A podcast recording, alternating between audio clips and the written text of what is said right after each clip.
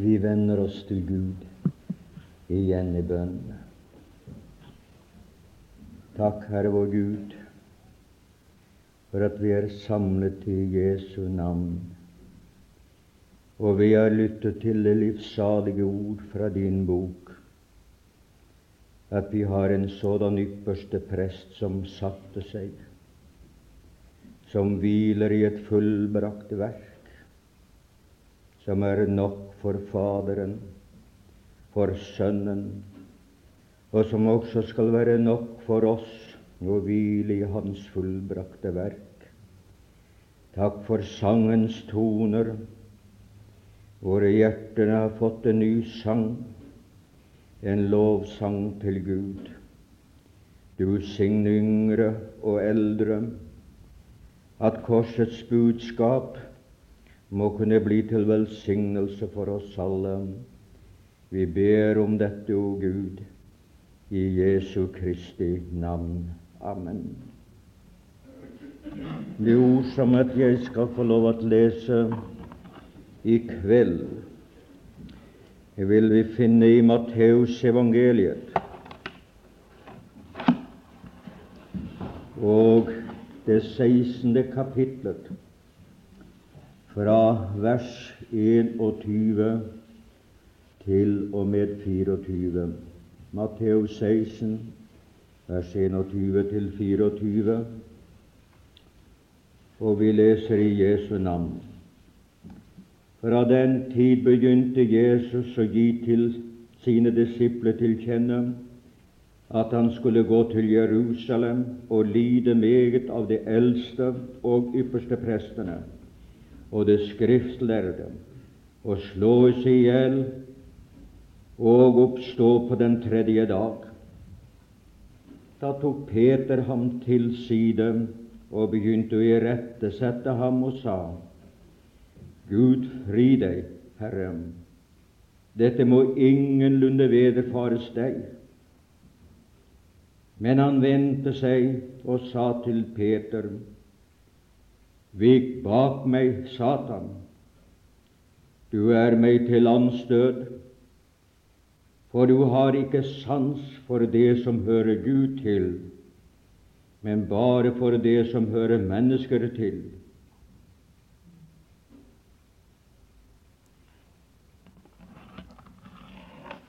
Ut fra de ordene som vi her har lest, vil jeg prøve å si litt om, Jesu kors Fire standpunkter til Jesu kors. Det er mitt emne. Jesus hadde omtalt ni ganger for sine disipler før sin død at han skulle lide døden. Han gjorde det,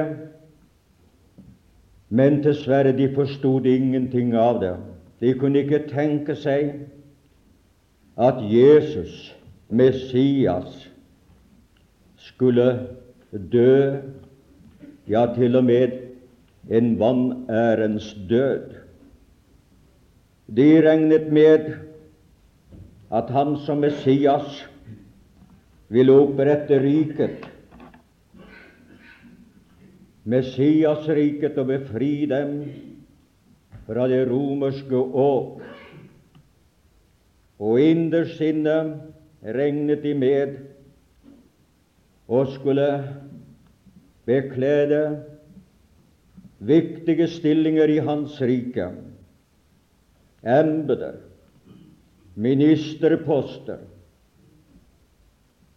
De hadde et jordisk håp, og dette jordiske håp, det døde da han ble korsfestet. Men ved hans oppstandelse fikk de et levende håp, og det var frelseshåpet, og Kristus ble deres håp. Riktignok hadde han fortalt dem at de skulle få store oppgaver.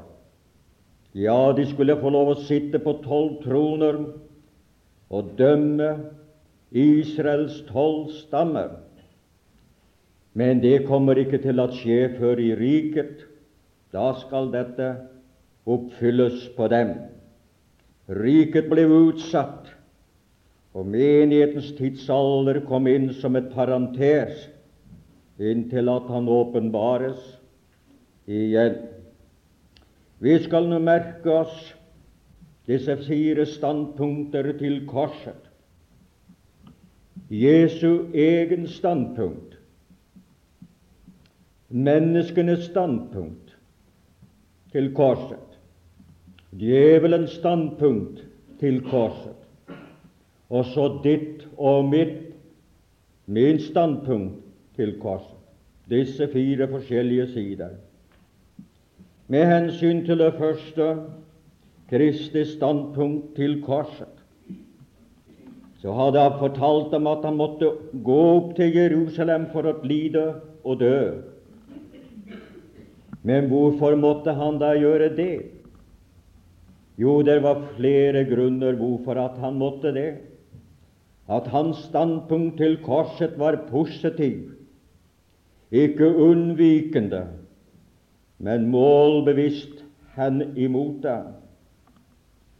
For Faderens skyld gikk veien til korset for ham. I evigheten som var, hadde Gud utvalgt mennesker til frelse ved troen på Kristus Jesus før verdens grunnvoll ble lagt.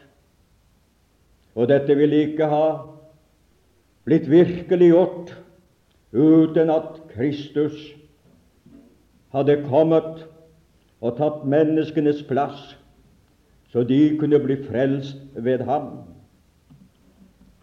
Så for Guds valg og med evige beslutning gikk veien til korset for ham. Men også på grunn av Guds kjærlighet til menneskene for så har Gud elsket verden, at han gav sin sønn den enbårne, for at hver den som tror på ham, ikke skal fortapes, men ha et evig liv. Og dette vil ikke ha blitt oppfylt uten som at Skriften har gått i oppfyllelse, som pekte hen til korset. Ja, Gud var i Kristus og forlikte verden med seg selv. Og fordi at derfor han har nedlagt i oss hodet om forlikelse. Og derfor høres, lyder også i dag, og lyder til dem som er her, er du ufrelst. La eder forlike med Gud. Gud er forlikt det er den objektive side. Det er det verket som er gjort. Det var nok for Gud. Men der må komme en subjektiv side. Det er din og min. At vi aksepterer, vi tar imot, vi blir forlikt med Ham på Hans betingelse, ut fra Hans synsvinkel, og bli delaktiggjort i det frelsesverk som han fullførte. Så for Faderens skyld gikk veien til korset. For Jesus Kristus hadde han ikke gått der, ville Guds plan, frelsesplan, ville blitt umuliggjort. For sin egen skyld måtte han også gå veien om korset for å bli vår frelser. Du skal kalle hans navn Jesus, var budet fra himmelen, for han skal frelse sitt folk fra deres synder. Han kunne ikke frelse dem alene ved et budskap. Det budskapet måtte virkeliggjøres. Han kunne ikke frelse dem ved en høy ideologi. Det var bare en måte han kunne frelse dem, og det å bli i deres sted, at dø i deres sted, at lide i deres sted, at sone i deres sted, at ta deres plass. For sin egen skyld å blive frelser måtte han gå veien. Han ga sitt liv til en gjenløsningsbetaling for mange, en soning ved Kristi kors og Kristi blod. Han kom for å søke og frelse det fortapte, og denne frelse den ble virkelig gjort ved hans lidelse og død på korset. Har du akseptert det? Tror du det? Jeg vet de aller fleste, men det kunne jo være noen som ikke har gjort det. Han kom for å frelse og søke å frelse det fortapte. Han søker det i dag. Han søker det ved Ånden. Han søker det ved Ordet. Han søker deg i denne stund Si ja til ham som vil frelse og redde deg. Han kom for å avvæpne makterne og myndighetene og stille dem åpenlyst til skue på korset. Det var Gud som i Kristus gjorde dette, og derfor måtte hans vei til korset, slik at de demoniske makter og krefter skulle bli avvæpnet, skulle bli avsløret, skulle bli fravristet herredømmet og makten og myndighetene i det han viste seg som seierherre over dem på korset. Lovet være Gud, det var hans vei. Hans lidelse ble oss til frelse, og vi vil aldri kunne bli ferdig med å takke ham. Han kom for å tilintetgjøre djevelens gjerninger. Og djevelens gjerninger, det er synden i et menneskehjerte. Det skulle tilintetgjøre. Tilintetgjøre djevelens makt over menneskesjelen og sette det plagede i frihet. Han kom, og veien var korsets vei. Han kom for å sette det plagede i frihet, og den som Sønnen får lov å frigjøre, blir virkelig fri. Det er friheten ved blod. Det er friheten ved soning. Det er friheten ved frelse. Det er en guddommelig frelse, og det vi hørte, til det ytterste, ja, fullkommen frelse.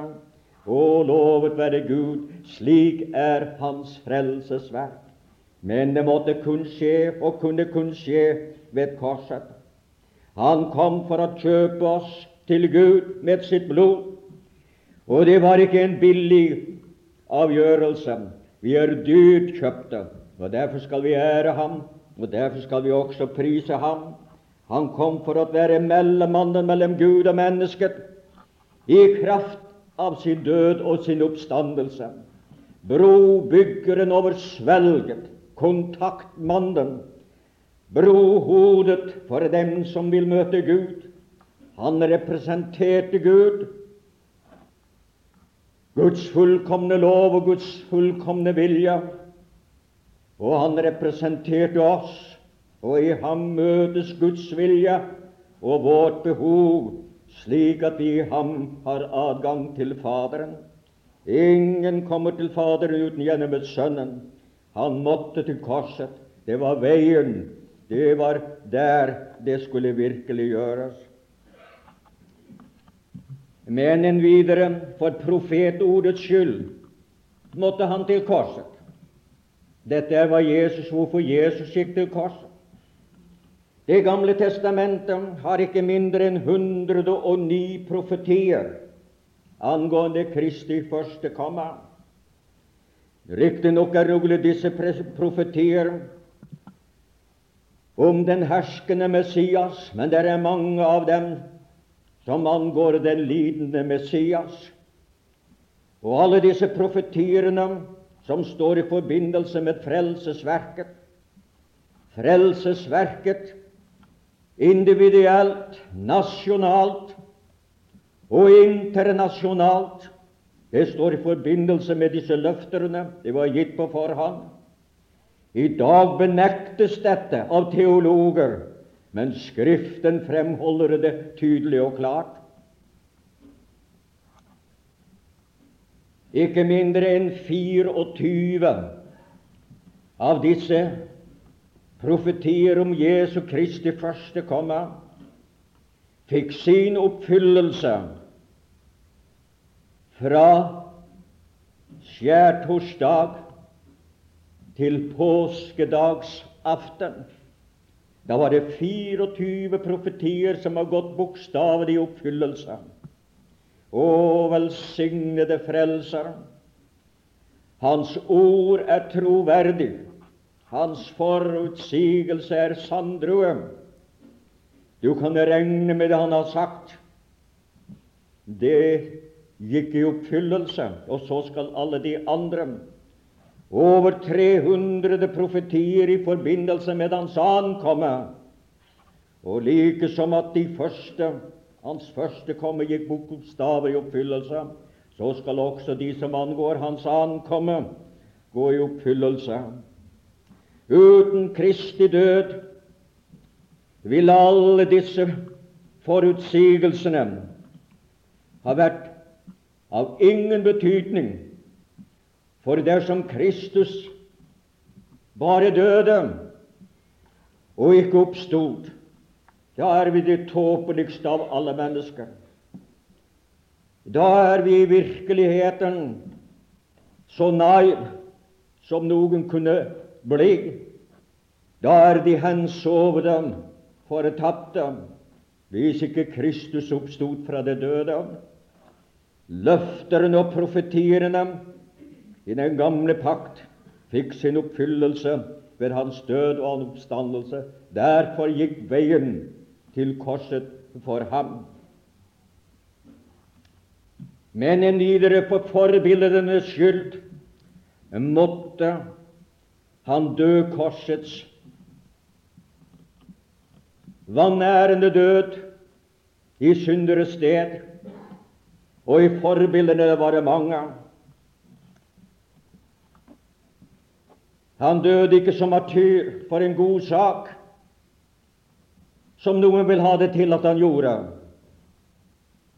Han døde ikke som en mislykket moralforkynner. Han nedla sitt liv som et soningsoffer. Han kunne ha levd på denne jorden og gått til himmelen og levd evig uten å dø. Men ut, da ville vi all, vel hele slekten være fortapt. Men fordi at han gikk kjærlighetens og lydighetens vei, og fornedret det så, dypt at han ble lydig inntil døden, ja, korsets død. For at til og med forbildene skulle oppfylles. Der er over hundre ganger i Mosebøkene at forsoningen er omtalt. Forsoningen ved blod er omtalt. Og alle denne blodsutgytelse pekte han til Kristus som lammets blod, som lammet, Guds lammet, hvis blod renser fra all synd. Så alle disse blodige ofra hadde bare ett formål, og det var å vitne og peke hen til ham som var Guds lam. Det har vært mange lam i verden. Den ensliges lam, Abels lam, familiens lam i Gosen, nasjonens lam på den store forsoningsdag. Men ved Jesus Kristus er det Guds lam, verdens frelser. Han måtte gå den veien for at det skulle oppfylles. Alle ofringene, og det var tusentalls av dem i løpet av et år, frivillige så vel som de påbudte, og hver eneste en av dem pekte frem til korset og frelsen i Kristus Jesus. Ja, alt som fantes i tempelet, i tabernaklet, Plankerne som sto der bedekket og kledt i gull, og sølvsoklerne, de var alle sammen merket med korset. Der var et kors på plankene, der var kors i sølvsoklerne. De sto der på forsoningens grunn og representerte Israels menighet. De vitnet om den nåde hvori vi står. Alle disse plankene sto der kledt i gull, og gullet er den guddommelige rettferdighet. Ren og rettferdig, himmelen verdig er vi ham. Kledt i din frelse vi står, ren som en lilje i vår. Ja, mine venner, han oppfylte det hele. Derfor måtte gikk veien til korset for ham. Kristus er Skriftens budskap, både som den lidende så vel som den herskende. Fjerne korset fra Skriften, fjerne korset i forkynnelsen, og du har et Satans evangelium, et forkynnelse som fører menneskene på villspor, en forkynnelse som betyr død og fortapelse for dem som lytter til det og tror på det. Et sosialt evangelium er djevelens evangelium. Menneskeverk uten nåde, bedrag uten sannhet. Det er bare korsveien som fører frem. Han gikk den, han fullførte verket. Han tok synderne med seg opp på korset. De kom ikke tilbake. Synden er sonet, gjelden er betalt. For deg og meg, hvem som helst, kan bli frelst som til Guds venner, gudskjelov. Det gjelder i dag, det gjelder for deg, det gjelder for meg. Tro dette budskap. Det er påskens budskap. Det er hverdagens budskap. Det er årenes budskap. Det er budskapet, hele nådens husholdning. Fjern dette budskap, og det er ikke noen plass for en forkynner. Og hvis de da forkynner, så er de ikke Guds redskaper, men djevelens redskaper. Så viktig er dette. Han måtte gå til korset. Alt møter der sin oppfyllelse og sin virkeliggjørelse ved hans oppstandelse. Men det var en annen side vi også skulle dvele ved, og det er menneskets standpunkt til korset. Menneskene som har levd, menneskene som lever, du og jeg. Det naturlige mennesket reagerer overfor ordet om korset. Der er ingen som er uberørt over dette budskap. Ingen som kan stille seg likegyldig overfor det. I realiteten, enten de vil eller ei, så reagerer de. Og det er to måter å reagere på. Enten er virker det slik som det har gjort på mange. Ordet om korset er en dårskap. En dårskap. Og ordet om korset er en forargelse. En forargelse for dem som vil ha noe annet enn Kristus og Han korsfestet. Som vil ha noe annet enn nådens budskap. En forargelse. De blir sint, de blir vred, de blir oppbrakt. De blir hatefulle, de blir motstandere, de blir forfølgere når de går til ytterligheten. Det er reaksjonen, det er innstillingen overfor korset. Atter andre de sier det dårskap, fabler, innbildninger, ikke noe mer. Og de feier det hele til side. Og hvor meget er det ikke i vår tid, som så å si av det som står i Skriften, som så å si blir feiet til side, man vil ikke det skal bety det det står. Man vil ikke regne med å tro det som Herren har sagt. Man vil legge sin egen betydning. Man vil beskjære ordet. Man vil gi det andre meninger. Men det som står skrevet, er sannheten, for Bibelen er sannhetens bok. Fra sannhetens Gud til å bringe mennesker inn i sannheten, og det er sannheten som kan frigjøre dem. Og det er den sannhet som er sannheten om korset. Kristus døde for deg og meg. Det naturlige mennesker. Det er det sjeliske mennesket. Det er det uomvendte mennesket. Det er det mennesket som må stilles på valg. Det er det mennesket Gud har gitt en fri. Du kan forkaste Kristus. Du kan akseptere Kristus.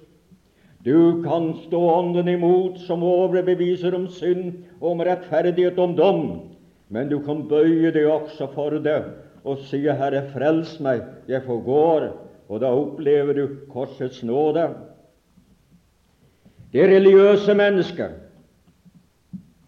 vil helst utenom korset. Og med dere menneskene er religiøse. Det er det som gjør dem, dem til mennesker. Det er også et veldig bevis for at de ikke nedstammer fra dyrene. Har du møtt et religiøst dyr? Har du det? Ja, jeg har virkelig en gang kjennskap da jeg sto som forstander i Syd-Dakota, i Arlington, Syd-Dakota. Da hadde det i huset en religiøs hund. Hver søndag gikk den til møte, men den var forferdelig partisk. Så snart som den la seg på kirketrappen, og viste at det var noen biler som kjørte forbi, så satte den av gårde og gjødde og forsøkte å bite i hjulene. Mens de svinget inn på kirkeplassen, da lå den stille. Og når møtet var kommet i gang, så ruslet den hjem. Da hadde den ikke bruk for ordet, forstår du. Den var bare religiøs partisk for sitt parti. Ja, det var gårdens folk, det var hans parti. Ja, mine venner, det naturlige mennesket det religiøse mennesket. Og mon tro hvor mange av verdens navn kristne, over 800 millioner, hvor mange av dem er det som ikke har opplevd Kristus og frelsen, som ikke har fattet et annet sinn, som ikke har blitt omvendt, som ikke har blitt gjenfødt. For det står det i Skriften så mange som tok imot ham, men det hadde de ikke gjort. Dem ga Gud rett til å bli Guds barn. Den retten hadde de ikke trodd på. De som tror på Hans navn, og disse er født ikke av kjøttsvilje eller av mannsvilje, men de er født av Gud. Å, hvor mange er det for hvem dette ikke er sant? Da vil de helst utenom. Og hva sier de da? Jo, vi er nå pyntelige, bra mennesker. Vi gjør det beste vi kan. Ikke stjeler, vi ikke lyver. Vi er, vi er det så bra som menneskene kan være. Det skulle jo bare mangle at, Gud, at Gud skulle finne feil med oss. Vi gjør da ikke en sjel fortred, ja, nesten ikke et dyr fortred heller. Det er bra nok. De regner med sitt eget. De vil utenom korset. De vil ikke innrømme at de er syndere som er fortapt. De vil ikke innrømme at de er skyldige til døden. Og bare én, for syndens sold er døden, bare én tok deres plass, og ham vil de ikke akseptere. Nei, deres gode gjerninger, deres ofre, deres fromhet, ja, til og med deres bønner og deres misjonsiver, for det er det meget av. Det kan de gå med på. Men dette å være en synder som må frelses av nåde, det vil de ikke være med på. Det er Kains religion. De gjør dette og gjør hint og regner med det skal nok vår Herre akseptere. Herren aksept, Gud aksepterer kun det som er gjort i Sønnen. Kun dem som Han har fått reddet, er reddet. Alle de andre er fortapt. Ja, hvor godt å kunne få lov av Jesus som sin frelse. Er han din frelser? Er han din frelser? La meg da si noen ting om den tredje ting vedrørende stillingen til korset, og det er djevelens standpunkt til korset. Ja, for også djevelen tar standpunkt til korset. Han kan tale gjennom mennesker og føre dem og andre vil. Peter forstod ikke og fikk vel nærmest et sjokk da Herren sa, 'Vik bak meg, Satan'. Peter så ikke noen, men Herren så ham. 'Vik bak meg, Satan'. Du er med forarget til en anstøt, og så videre. Men Jesus så hvem som hvisket det der i ørene på Peter. Peter var velmenende, men han hadde han studert eller fått øynene opplatt for Skriften, og det hadde han, fikk han etter pinsedag, eller da Jesus åpenbarte Skriftene for ham, så ville han ha forstått det. Jo, djevelen, han kan tale. Djevelen er ikke imot et sosialt evangelium. Det vil han gjerne menneskene skal høre. Fordi det sosiale evangelium sjalter ut ordet om blodet. De vil ikke høre noe om blodet, tror ikke på blodet, vil ha evangelium uten forsoningsblodet. Det evangelium tillater djevelen. Djevelen står bak Kristus' fiendtlige ideologier. Det politiske evangelium, vet du hva det er? Det er et annet evangelium enn Skriftens evangelium. Og det lyder frihet, likhet og brorskap uten Kristus ja, i kampen mot Kristus. Det evangelium vil gjerne, djevelen gjerne at menneskene skal ha. Og en stor del av menneskeslekten er i dag har øynene åpne for det evangelium og er fiendtlig innstilt mot korsets evangelium. Vær klar over det. Og det er det evangelium som går seirende, tilsynelatende, i denne verden i dag, hvor korset målbevisst bekjempes, hvor sannheten og Skriften nivelleres. Man vil ikke ha bruk for det. Jo da, djevelen vil gjerne at menneskene skal få frihet. Lover dem frihet, forkynner frihet. Frihet om å ha frihet til å synde så meget som du vil. Ja, visselig. Du må da ikke være redd for synden, for det bare skaper dette troen på synden. Det skaper konflikter. Det skaper mindreverdighetsfølelse. Nei, det behøver du ikke å tro, for Gud er død. Han eksisterer ikke. Det er ikke noen ting som du behøver å være redd for. Synd med et glad ansikt. Synder i sommersol, om du vil. Jo da, djevelen sier du må ha frihet til å gjøre det. Frihet til å gjøre som du selv lyster. Gud er jo død. Frihet fra moralsk ansvar, fra det som står i Skriften om et sædelig liv og en from vandel. Nei, vi gjør som det passer oss. Det er djevelens standpunkt til evangeliet.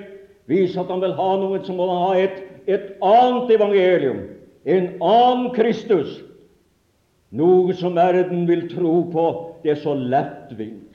Der kan vi greie oss selv. Vi kan greie oss selv. Djevelen gjorde alt han kunne for å hindre Jesus fra å dø på korset.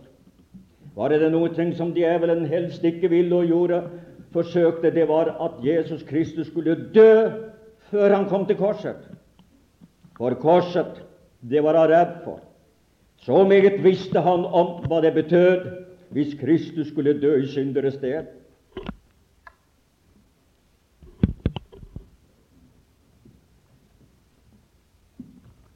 Djevelen forsøkte å myrde Jesus i Betlehem da han var en baby. Det mislyktes. Hadde han blitt myrdet der, så hadde vi ikke fått en frelser. Djevelen forsøkte å styrte ham ut for skrenten i Nasaret, og han måtte flytte til Kapernaum. Hadde han blitt drept ved å styrte ut for skrenten der, så hadde vi ikke hatt noen frelser. De forsøkte å stene ham, og det var djevelen som sto bak ved det. Men det var like som at det ikke lyktes, for Gud var i Kristus, våket over sin sønn, og han hadde all makt. Han vek forbi det. Djevelen forsøkte å friste ham til selvmord for å vise seg at han var Gud.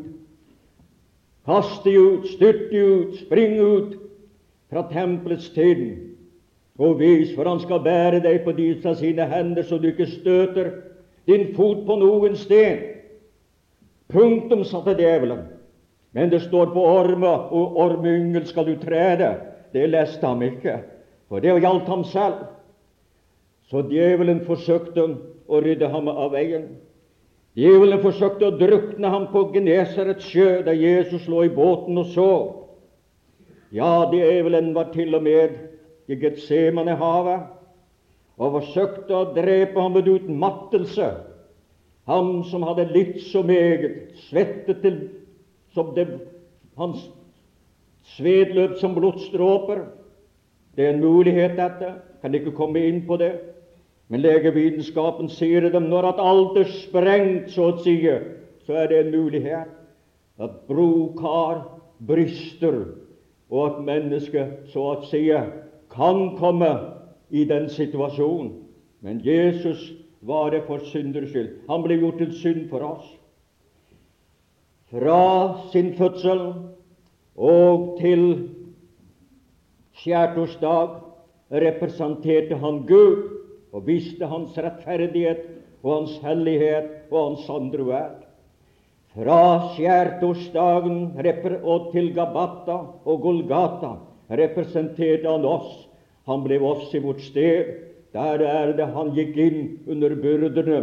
Der er det hvor han tømte for giftsyndens giftsbeger ble gjort til synd for oss.